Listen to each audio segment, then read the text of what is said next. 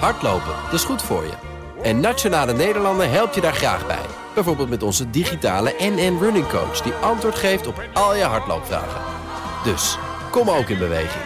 Onze support heb je. Kijk op nn.nl slash hardlopen. Elke week kijk ik naar eh, mislukkingen en wat we daarvan kunnen leren. En dat doe ik in gezelschap van Paul Iske, de CFO, de Chief Failure Officer van het Instituut voor Briljante Mislukkingen. Welkom, Paul. Thomas, goedemiddag. Jij wil het uh, deze week hebben over iemand die toch bepaald niet is mislukt. Een Nederlands succesvolste Formule 1-coureur ooit. Max Verstappen en Red Bull. Waarom? Ja, ja, nee. Nou ja, weet je, Thomas, ik zit nog steeds in het buitenland. En na deze uitzending moet ik dat misschien wel blijven. Maar ik doe toch een poging. Uh, ja, Max Verstappen. Ik ben ook een fan van Max Verstappen. Maar uh, toch uh, eens even kijken, wat is er nou eigenlijk aan de hand?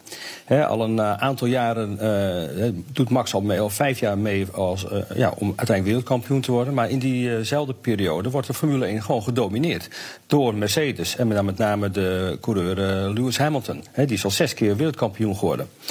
En uh, nou ja, Max kon eigenlijk de allerjongste wereldkampioen uh, alle tijden worden. En, en Red Bull wil natuurlijk ook heel graag uh, kampioen worden.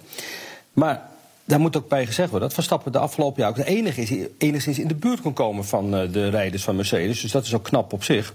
Maar ja, het verschil is gewoon te groot. En dan met name ja, de kwaliteit en de snelheid van de auto. Ja, dus en, dan zit de mislukking met name bij Red Bull en wat minder bij Max Verstappen. Ja, nou ja, nou ja, weet je, uh, racen, dat, uh, sommige mensen zeggen, ja, het is allemaal de auto. Nou, kijk, Hamilton is natuurlijk ook een geweldige racer. Het is de combinatie. Het is de combinatie van uh, Max Verstappen met die auto. En, en eerlijk is eerlijk, Verstappen brengt natuurlijk ook regelmatig levende brouwerij. Hè, door gewaagde acties, een spectaculaire manier van, van, van terrein winnen. En dat is natuurlijk ja, enorme aanwinst voor, voor de racesport. Maar ja, als ik het over mislukkingen heb, dan vergelijk ik altijd wat was men van plan en wat is er uiteindelijk uitgekomen. Nou, met name in dit jaar had men toch het idee, nou, nu, uh, nu is de tijd rijp. Hè. Eh, we, hebben een nieuwe motor, vorig jaar al mee, mee uh, gestart, dat ging al beter. Verstappen krijgt ook steeds meer ervaring. Nou, nu moest het dan eigenlijk gebeuren. Hè. Maar ja, wat gebeurt er dan? Ten eerste corona, nou, alles overhoop.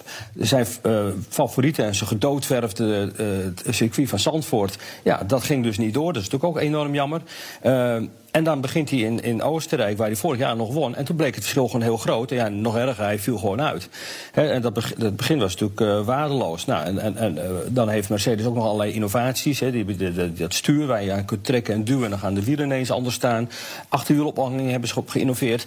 Dus maar ja, Mercedes staat natuurlijk niet stil. Nee, maar Paul, houden, die, houden die teams elkaar en zichzelf ook niet een beetje voor de gek... door elk jaar te zeggen, ah, dit jaar hebben we het gat gedicht? Nou ja, er zaten wel wat. Uh, ik snap ook wel dat ze dat zeiden. En, en, Verstappen was in het begin ook best wel uh, heel positief over die auto. Nog steeds. Kijk, ik, ik, zie ook nog wel mooie dingen gebeuren. Alleen waar het om gaat, dat wereldkampioenschap dit jaar. Uh, Hamilton won drie van de eerste vier races. Er ligt een straatlengte voor. De afgelopen keer won hij zelfs op drie wielen. Zo, zo, groot is het verschil van die auto. En, ja, en wat zegt Verstappen zelf? nee, het is klip en klaar.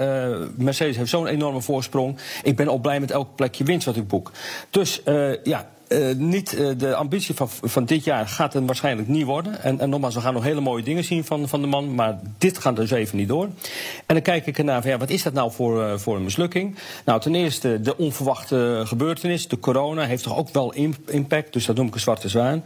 Nou, dit is typisch een voorbeeld van wat wij noemen de winner takes it all. Ja, er is maar één man die kan winnen. En ja, je hebt nou net de pech dat je in een periode leeft van een, een Hamilton met een Mercedes. Zoals in de tennissport de mensen met, uh, op moeten boksen tegen Federer en, en, en, Djokovic en Nadal. Ja, dat kun je het wel vergeten eigenlijk. En daarnaast, en dat is, is vind ik wel, uh, ik zie dat Red Bull steeds die auto verder probeert te verbeteren. Maar het zijn allemaal kleine dingetjes. En dan komt Mercedes ineens met een, een compleet nieuwe innovatie. Ja, dat is toch wel interessant. Ja. Wij gaan uh, aan de hand van jouw methode concluderen of deze mislukking briljant is of niet. Nou, uh, wat denk je trouwens? Uh, gaat het briljant worden? Ik denk niet. En ik had voorkennis kunnen hebben, maar die heb ik niet. Dus uh, je mag okay, me verbazen. Nou, daar, daar komt hij, de visie. He, je weet de viral score, V-I-R-A-L. V voor visie. Nou, hij wil kampioen worden, is natuurlijk een geweldig doel. En zeker binnen die sport. En uh, niet iedereen houdt van die uh, sport. Maar voor de liefhebbers is dit geweldig. En ik geef het een 9. De inzet. Nou, als je kijkt hoe Max Verstappen zich met name... ook wel dat team zich inzet om het iedere keer beter te doen. hoe hij in die races rijdt. hoe ze ook met die bandenwissels en zo. Het, het, ze zet zich tot het uit uiterste in. Kan ik niks op aanmerken. Gewoon een 10. Uh, risico nemen. Ja, ja de, de, risico's nemen. Ja. Uh, je weet dat je te maken hebt met sterke tegenstanders. Je moet tot het uiterste gaan. Risico's horen erbij, zoals als team, als coureur. En uh, maar ik vind dat er iets meer risico genomen kan worden met het herontwerp van die auto. Kijk, Max eh, hoef je niks uh, te vertellen, maar die auto, daar, daar, daar, moet ze iets meer risico's nemen, vind ik. Geef ik een zeventje. Uh, de aanpak. Nou, Max doet het uitstekend. Die auto is echt niet slecht. Het teamwerk, wat ik zei, ook die banden hè, op de Hongaro-ring. Hij rijdt die auto helemaal aan flarden en, en in een kwartiertijd lappen ze hem weer op en dan wordt hij nog tweede ook. Dus ja, dat, dat is allemaal heel snel. alleen het kritiekpunt in vergelijking met Mercedes is dat toch nog wat ik zei, dat, dat traditioneel aandoen verbeterproces. En qua leren. Uh, Max leert snel bij. Red Bull moet, doet heel veel analyses, big data, noem maar op. Maar ook de concurrentie staat niet stil. Ik denk dat ze wat dat betreft qua leervermogen, ontwikkelvermogen echt een beetje achterblijven. Vind ik het minst sterke punt een 6. Nou, dan kom je toch overal kom je op een dikke voldoende. Dus dat ik er toch mooi naast, Paul. Ja, ik kom op een 8. Ik vind het een briljante mislukking. En ik hoop van harte dat bij de tweede, of misschien wel de zesde kans, hè, want hij doet nu vijf jaar mee, het uiteindelijk toch gaat lukken. En anders komt het toch wel een keer, want uh, kijk, Hamilton gaat dat record van zeven kampioenschappen van Schumacher echt wel even naar en misschien overtreffen. Maar de tijd van Max Verstappen gaat komen. Dat garandeer ik je. En of dat met Red Bull gaat gebeuren, dat is natuurlijk afwachten. Dankjewel, Paul Iske, de Chief Failure Officer van het Instituut voor Briljante Mislukkingen. Tot volgende week.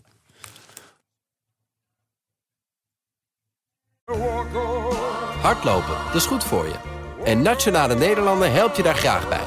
Bijvoorbeeld met onze digitale NN Running Coach... die antwoord geeft op al je hardloopvragen. Dus, kom ook in beweging. Onze support heb je. Kijk op nn.nl slash hardlopen.